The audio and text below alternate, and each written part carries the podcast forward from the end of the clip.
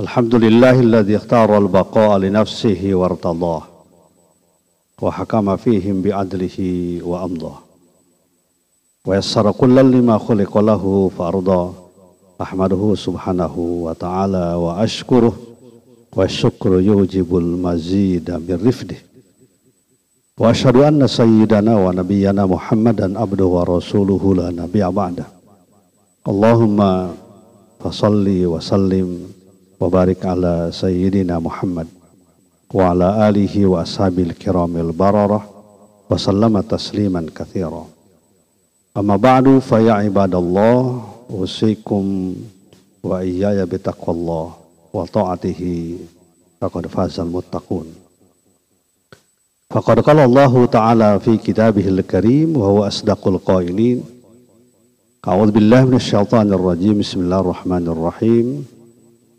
Wa'ati Allah wa rasulahu wa la tanaza'u wa tafsalu wa tadhabari hukum wasbiru innallaha ma'as sabirin sadaqallahul azim. Hadirin sidang Jumat rahimakumullah.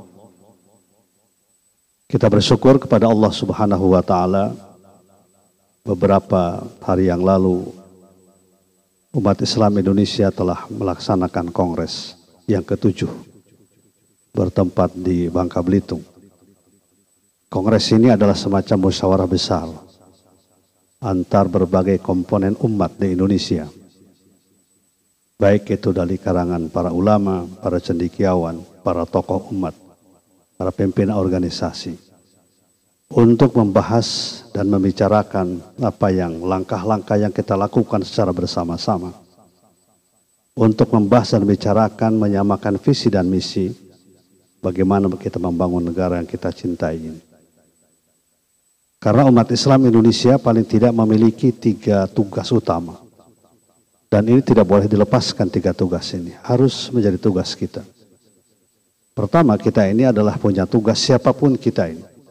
Apakah para kiai, para da'i, para ulama, para ustadz, para tokoh organisasi, para rektor, para dosen, dan lain sebagainya Pertama adalah himayah wahiftuddin, yaitu menjaga dan memelihara agama. Agar agama Islam ini, ajaran Islam ini tidak diintervensi oleh pemikiran-pemikiran pemikiran-pemikiran yang membahayakan, yang menyesatkan. Sebab sekarang ini ada upaya serius dari kalangan-kalangan yang tidak senang dengan kemajuan Islam. Mereka melakukan berbagai hal membuat taskik namanya. Gerakan taskik itu adalah gerakan untuk membuat ragu-ragu umat Islam pada ajaran. Misalnya dengan mengatakan bahwa ayat-ayat Al-Quran itu tidak semuanya absolut kebenaran. Ada yang relatif, ada yang terbatas oleh ruang dan waktu. Faham-faham sekularisme misalnya, paham yang memisahkan agama dengan kehidupan. Bahwa agama itu hanya ada di masjid, Agama itu hanya di majlis taklim, hanya ada di musola, hanya ada pada bulan Ramadan. Sedangkan ketika kita berpolitik di gedung-gedung parlemen misalnya, ketika kita melakukan kegiatan ekonomi di pasar-pasar atau kegiatan yang lainnya, maka tidak perlu membawa agama. Inilah faham yang disebut dengan sekularisme. Paham yang memisahkan antara agama dengan kehidupan. Padahal dalam agama kita kehidupan itu menyatu. Ibadah dengan muamalah sebuah kesatuan yang tidak bisa dipisahkan. Ada perbedaan tekanannya, stressingnya ada perbedaan, tetapi tujuannya sama. Kita diperintahkan jujur dan benar ketika kita berada di masjid. Dan ketika kita berada di parlemen sebagai anggota dewan, misalnya kita juga diperintahkan untuk jujur. Islam menekankan jujur dan amanah, bukan sekedar pada waktu ibadah, tapi juga pada waktu melaksanakan tugas. Ketika kita di masjid kita dilarang saling menjatuhkan, saling menipu. Ketika kita di pasar juga begitu. Tidak boleh umat Islam melakukan kegiatan-kegiatan yang saling menjatuhkan. Umat Islam tidak boleh melakukan kegiatan dilarang, misalnya riba, sistem riba atau sistem bunga yang sangat dilarang. Itu tidak boleh terjadi. Demikian pula yang lain ibadah-ibadah yang sakral, yang suci. Bahkan juga sekarang ini kita mengetahui ada upaya intervensi untuk menguatkan paham pluralisme. Yaitu satu paham yang menyatakan semua agama itu relatif semua. Tidak ada yang absolut, semuanya sama. Bayangkan kalau itu masuk ke dalam struktur rohani masyarakat Indonesia, terutama generasi mudanya, apa yang akan terjadi? Maka tidak akan ada nilai-nilai absolut, tidak ada sakral, tidak ada kesucian. Padahal Islam itu beda dengan yang lain. Beda segala-galanya, beda akidahnya, keyakinannya, apalagi syariahnya. Salam misalnya, salam orang Islam itu adalah salam yang indah ya salam yang merupakan identitas umat Islam yang dulu di zaman Nabi salam itu sangat dibenci oleh orang-orang Yahudi karena pada ucapan salam itu ada tiga hal tiga komponen yang sangat indah pertama adalah assalamualaikum keselamatan bagi kamu sekalian yang kedua warahmatullah ya rahmat dan Allah subhanahu wa ta'ala kemudian yang ketiga adalah keberkahan wa barakatuh sekarang misalnya mau diganti dengan salam yang lain. Yang sama sekali itu perbuatan bid'ah dolalah. Saya kebetulan dalam kongres itu mewakili Majelis Ulama Indonesia memberikan sambutan. Saya katakan jangan ada lagi orang-orang yang tidak bertanggung jawab yang mengganti salam yang suci bagi umat Islam diganti dengan salam yang lain. Yang mempertentangkan agama dengan nilai-nilai kebangsaan. Justru kebangsaan itu akan kuat ketika berdasarkan nilai ajaran agama. Di dalam Undang-Undang Muqaddamah Undang-Undang Dasar 45 di situ disebutkan bagaimana ketika itu the founding fathers ya para pendiri republik ini meyakini tanpa pertolongan Allah tidak mungkin akan ada kemerdekaan. Mereka abadikan pada alinea ketiga dalam Muqaddamah Undang-Undang atas berkat rahmat Allah Subhanahu wa taala. Kata-katanya juga Allah bukan Tuhan bukan atas berkat rahmat Tuhan yang Maha Esa tidak, tapi kata-kata agama Islam atas berkat rahmat Allah Subhanahu wa taala. Maka tugas kita Ibtuddin menjaga agama jangan sampai terkena faham pluralisme, sekularisme maupun juga faham liberalisme. Liberalisme itu yang mendahulukan akal ketimbang wahyu. Wahyu itu berada di bawah akal. Ini kan satu faham yang sesat menyesatkan mentafsirkan Quran dengan dengan akal yang liar misalnya sebagai contoh membolehkan hubungan laki-laki perempuan tanpa perkawinan atas cara suka sama suka itu faham liberalisme yang membahayakan dan ini tidak boleh terjadi tugas kita kaum muslimin hifdzuddin majlis taklim masjid-masjid kajian-kajian dalam kerangka menjaga itu menjaga agama dari umat umat, umat Islam yang kedua para hadirin sedang jemaah rahimakumullah yaitu hibdul ummah, himayah wa hibdul ummah. Menjaga umat Islam, menjaga kesatuan persatuan umat Islam. Jangan mudah diadu dombakan satu dengan yang lain. Hanya karena perbedaan-perbedaan sedikit. Umat Islam itu adalah umat yang lebih banyak persamaan. Kecuali kalau perbedaannya yang berkaitan dengan akidah. Yang berkaitan dengan keyakinan, faham-faham yang keluar yang misalnya yang mengaku adanya Nabi setelah Nabi Muhammad atau yang merendahkan martabat para sahabat ya Syiah misalnya merendahkan martabat sahabat jelas bertentangan dengan ajaran Islam karena dalam pandangan ajaran Islam yang namanya sahabat Nabi itulah orang-orang yang mulia yang sangat besar jasanya sehingga Nabi mengatakan ashabi kan nujum bi aihim iktadaitum ihtadaitum sahabat-sahabatku siapa pun juga Abu Bakar Siddiq radhiyallahu anhu Sayyidina Umar bin Khattab, Utsman bin Affan, Ali bin Abi Thalib, Siti Aisyah, Siti Khadijah maupun yang lain. Ashabi kan nujum. Mereka seperti bintang-bintang gemerlapan. Mereka adalah pemberi cahaya dalam kehidupan.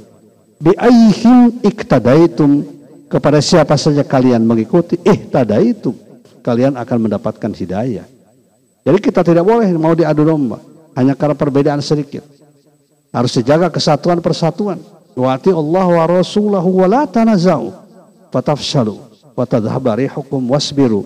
Innallaha ma'as sabirin. Taatlah kalian kepada Allah dan Rasulnya wala tanaza'u. Tidak boleh bertanazu bertentangan ya. Bertentang berpecah belah. Itu tanazu ikhtilaf itu ada dua macam. Ada ikhtilaf tanawu ada ikhtilaf tanazu ikhtilaf tanawu itu dibolehkan karena masalah-masalah khilafiyah ada dalilnya masing-masing tapi kalau sudah ikhtilafut tanazu adalah ikhtilaf yang bertentangan satu dengan yang lainnya. Kita harus menjaga. Kemudian yang terakhir adalah himayah waibtat daulah, menjaga memelihara negara ini. Negara Kesatuan Republik Indonesia adalah hasil istihad dari para ulama besar. Ya, hasil jihad bahkan juga dari para ulama besar. Kita ingat bagaimana risalah jihad yang disampaikan oleh Allah Yarham Kaji Hasyam Ash'ari pendiri NU yang memerintahkan umat Islam berjihad ya ketika melawan Inggris ketika Inggris akan merebut Surabaya pada tanggal 10 November.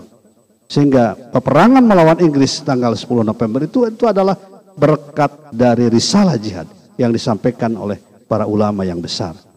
Oleh karena itu negara ini adalah yang terbesar sahamnya adalah umat Islam para ulama para santri para kiai bukan yang lain mudah-mudahan kongres kemarin yang diikuti hampir oleh semua umat Islam dari berbagai kalangan. Mudah-mudahan akan menghasilkan dan sudah menghasilkan rekomendasi-rekomendasi yang tegas. Tetapi tinggal bagaimana kita mengimplementasikannya dalam kehidupan. Kita tidak boleh berputus asa walaupun kita berhadapan dengan berbagai macam tantangan-tantangan, walaupun berhadapan dengan berbagai macam masalah, karena kita memang adalah umat yang diperintahkan Allah Subhanahu wa taala untuk selalu menegakkan syariat dalam kehidupan kita. Mudah-mudahan Allah menjaga kita semuanya dan menjadikan kita semua umat Islam yang istiqomah dalam iman dan amal soleh. Amin ya rabbal alamin. Ja'alan Allah wa iyyakum minal faizin al aminin wa adkhalana wa iyyakum fi sumratil muwahhidin. A'udzu billahi minasyaitonir rajim. Bismillahirrahmanirrahim. Innal ladzina amanu wal ladzina hajaru wajahadu fi sabilillah ulaika yarjuna rahmatallah wallahu ghafurur rahim wa qur rabbik firwarham wa anta arhamur rahimin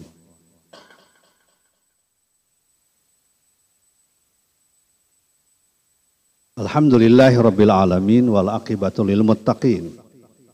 Wala udwana illa 'alal zalimin. Asyhadu an la ilaha illallah wahdahu la syarikalah wa asyhadu anna sayyidana wa nabiyyana Muhammadan abduhu wa rasuluh sadiqul wa'dil amin.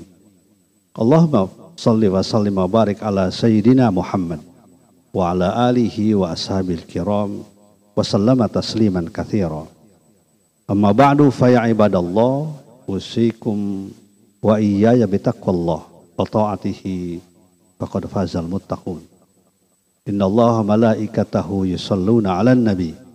Ya ayyuhalladzina amanu sallu alaihi wa sallimu taslima.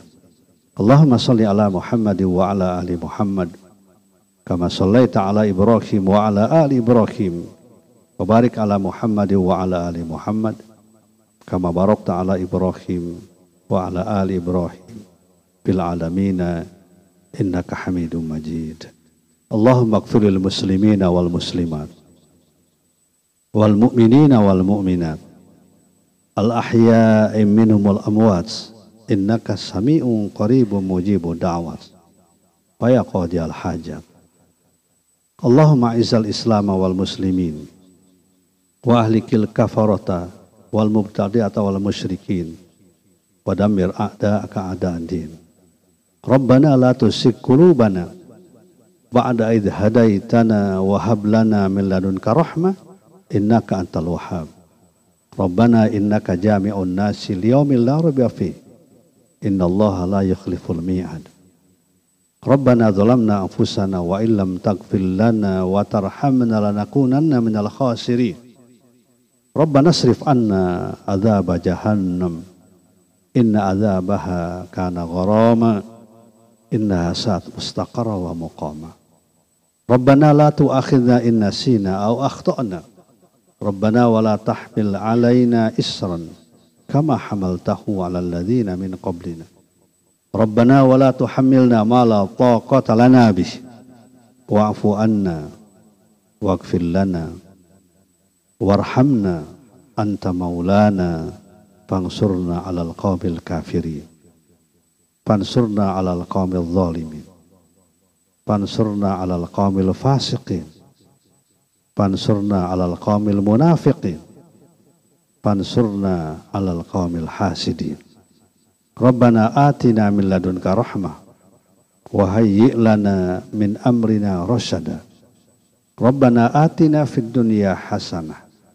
wa fil akhirati hasanah wa qina adzaban nar. Rabbana taqabbal minna innaka antas samiul alim wa tub alaina إنك أنت التواب الرحيم. والحمد لله رب العالمين. عباد الله استغفر الله لي ولكم ولذكر الله أكبر. أقم الصلاة.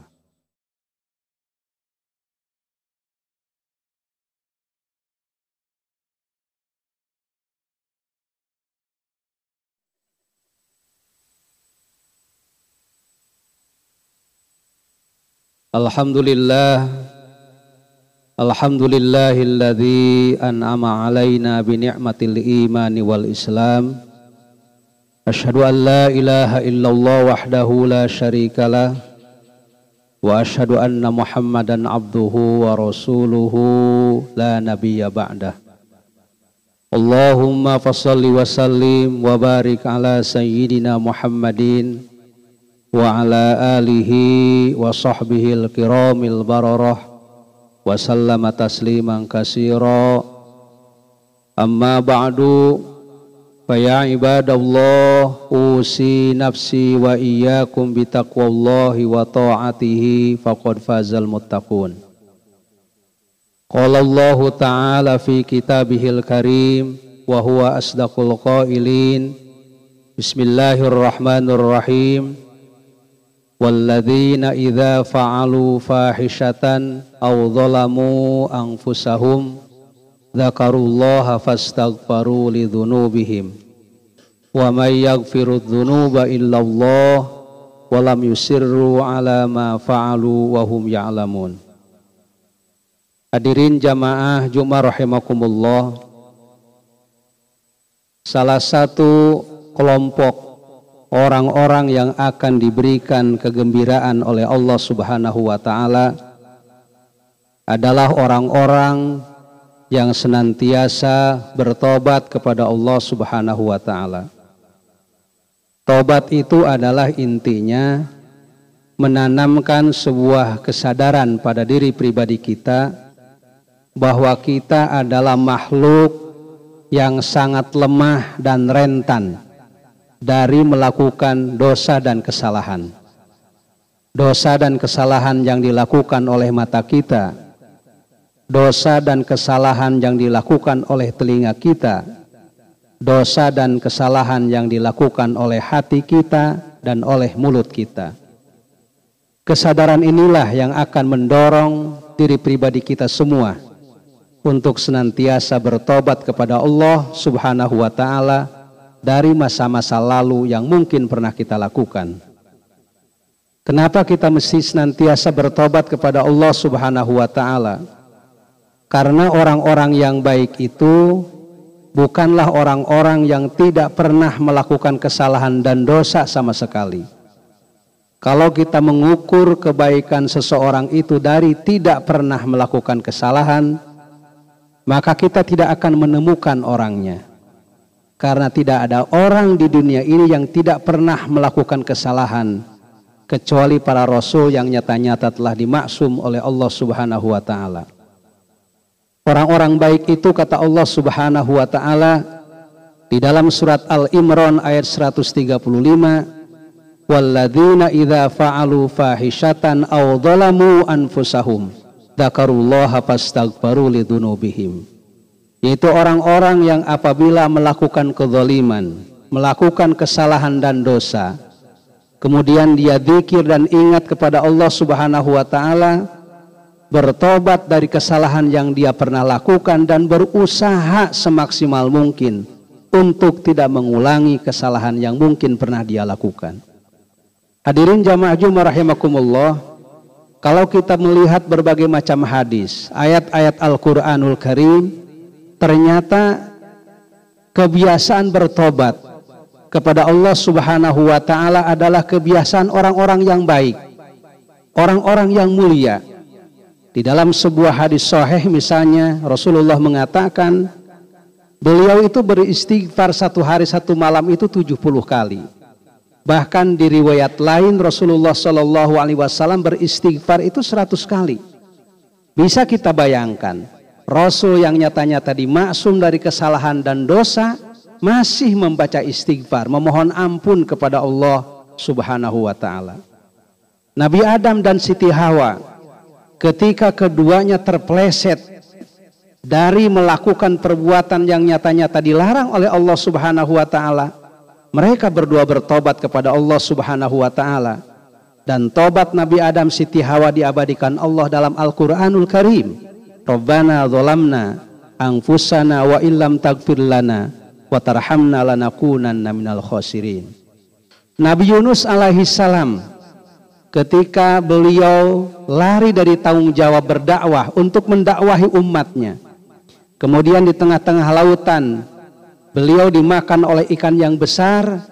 Ketika beliau berada di dalam perut ikan yang besar, beliau bertobat kepada Allah Subhanahu wa taala.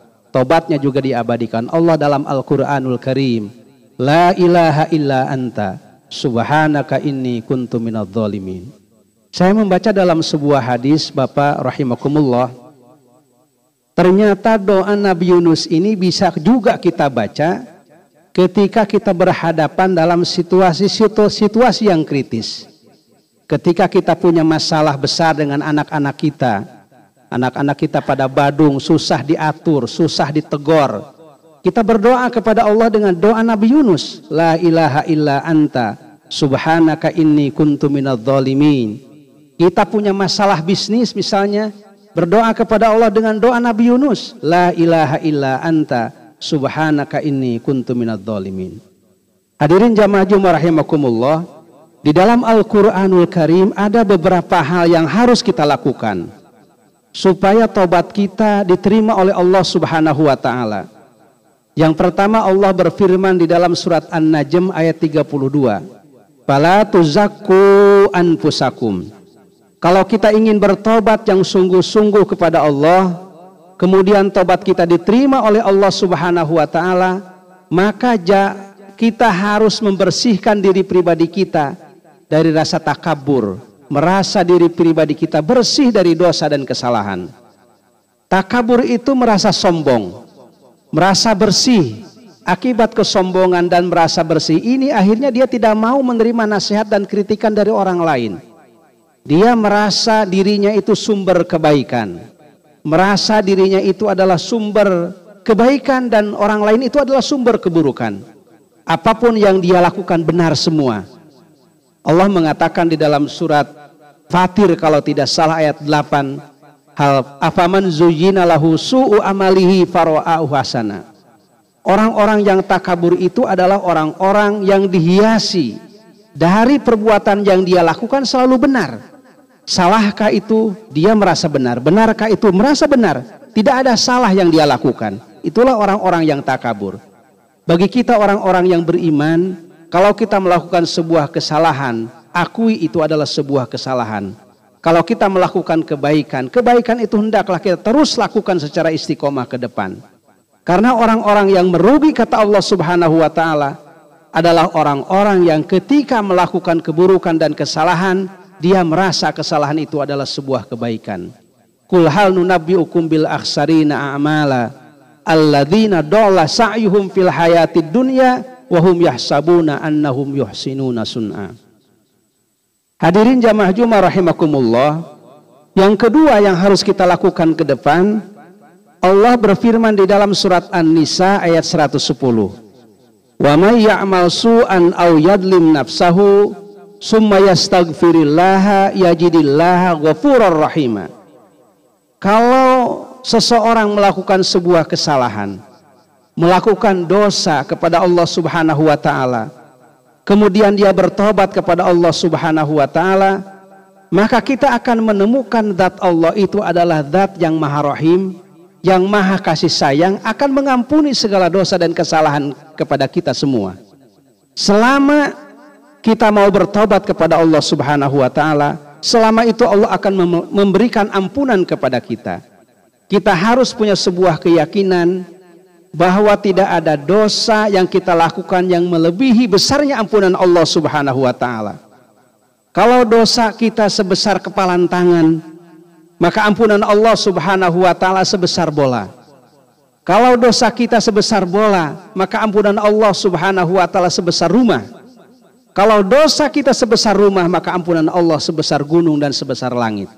Tidak ada dosa yang dilakukan oleh seorang manusia yang melebihi besarnya ampunan Allah Subhanahu wa taala asal kita mau bersungguh-sungguh bertobat dan tidak mengulangi kesalahan yang mungkin pernah kita lakukan. Hadirin jamaah Jumat rahimakumullah, ada dua saat di mana tobat yang kita sampaikan kepada Allah merupakan tobat yang ditolak. Pertama, tobat yang dilakukan dalam kondisi sakaratul maut. Sakaratul maut itu adalah kondisi di mana seseorang akan segera meninggalkan dunia ini.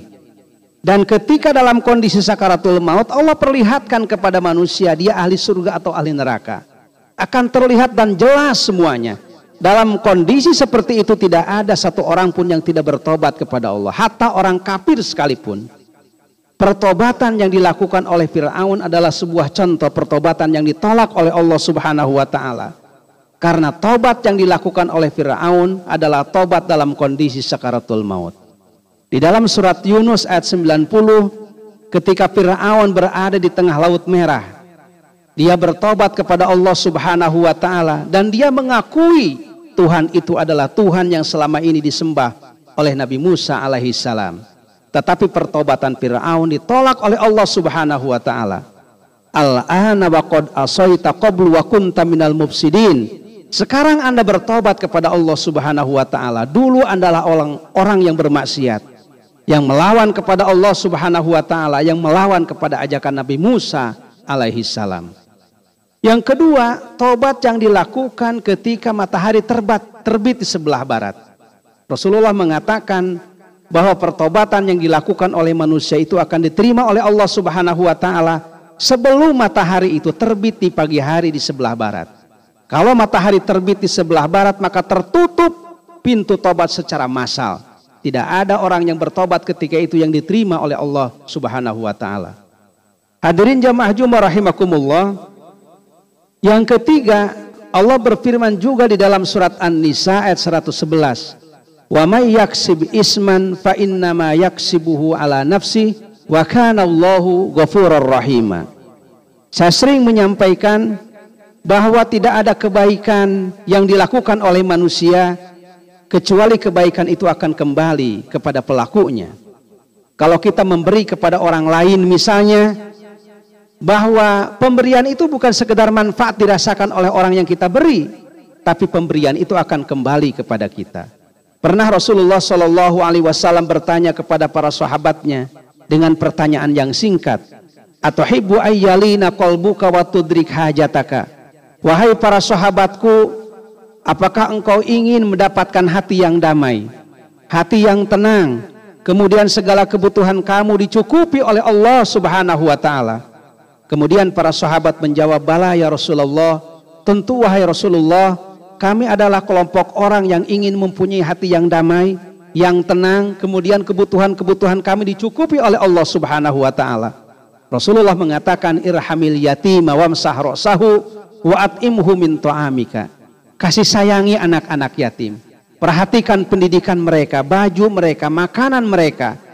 Nanti kata Allah kalau kita memperhatikan anak-anak yatim, hati kita akan damai hati kita akan merasa puas dan kebutuhan dan kebutuhan-kebutuhan kamu akan dicukupi oleh Allah Subhanahu wa taala. Ini adalah sebuah pertanda kalau kita berbuat baik kepada anak-anak yatim bukan sekedar anak yatim yang merasakan kebaikan kita, tapi kebaikan itu akan kembali kepada kita. Contoh lain misalnya kalau kita sering berdoa untuk kedua orang tua kita, maka doa itu akan kembali sesungguhnya kepada kita. Bahkan dalam sebuah hadis saya membaca begini, "Idza tarakal abdu du'a lil walidaini fa innahu yanqati'u anhu rizqa." Apabila seseorang tidak pernah terucap dari mulutnya doa untuk kedua orang tuanya, tidak pernah terucap Allahumma gfirli wali walidayya warhamhuma kama rabbayani sogira, maka sama saja dengan memutuskan rizkinya sendiri. Jadi kalau kita banyak berdoa untuk kedua orang tua kita, sama saja mengundang rizki kita dengan rizki yang seluas-luasnya dari Allah subhanahu wa ta'ala. Begitupun keburukan.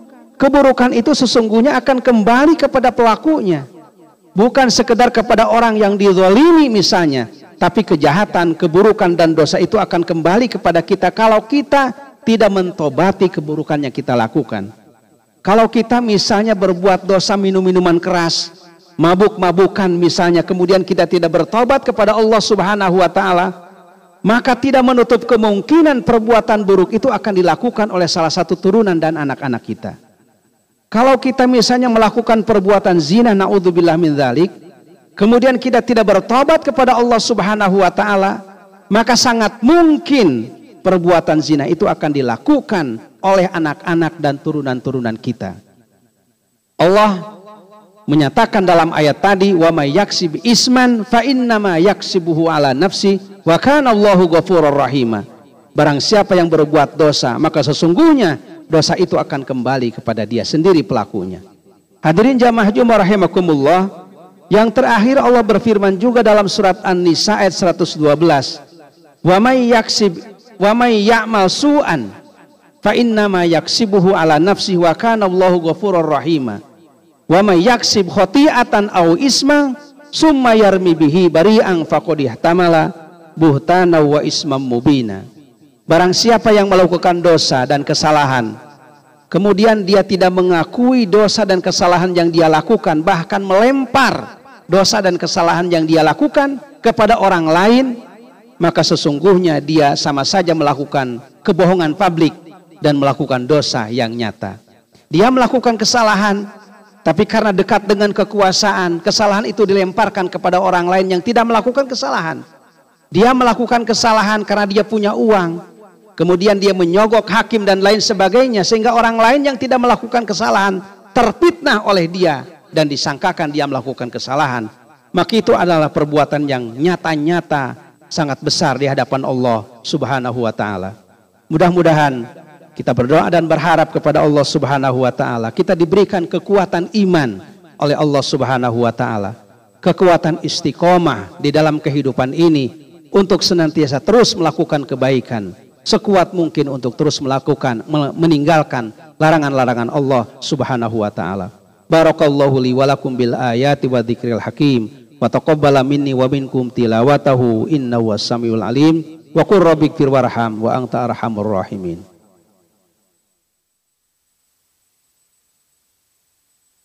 Alhamdulillahi nahmaduhu wa nasta'inuhu wa nastaghfiruh. Wa na'udzu billahi min syururi anfusina wa min sayyiati a'malina. May yahdillahu fala mudhillalah wa may yudlil fala hadiyalah Asyhadu an la ilaha illallah wahdahu la syarikalah wa asyhadu anna Muhammadan abduhu wa rasuluhu la nabiyya ba'da. Allahumma salli wa sallim wa barik ala sayyidina Muhammad wa ala ali sayyidina Muhammad fa ya ibadallah usi nafsi wa iyyakum bi taqwallahi wa ta'atihi faqad fazal muttaqun. Innallaha wa Ya ayyuhalladzina amanu sallu alaihi wa sallimu taslima. Allahumma salli wa sallim wa barik ala sayyidina Muhammadin sayyidil mursalin wa ala alihi wa sahbihi ajmain. Amin ya Allah ya rabbal alamin. Allahumma rabbana ighfir lana wa li ikhwanina alladhina sabaquna bil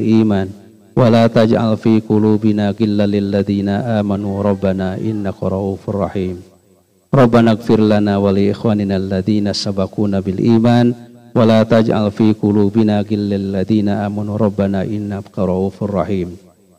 ربنا ظلمنا أنفسنا وإن لم تغفر لنا وترحمنا لنكونن من الخاسرين. ربنا تقبل منا إنك أنت السميع العليم وتب علينا إنك أنت التواب الرحيم. ربنا آتنا في الدنيا حسنة وفي الآخرة حسنة وقنا عذاب النار. فضل Amin ya Allah ya rabbal alamin. Imis.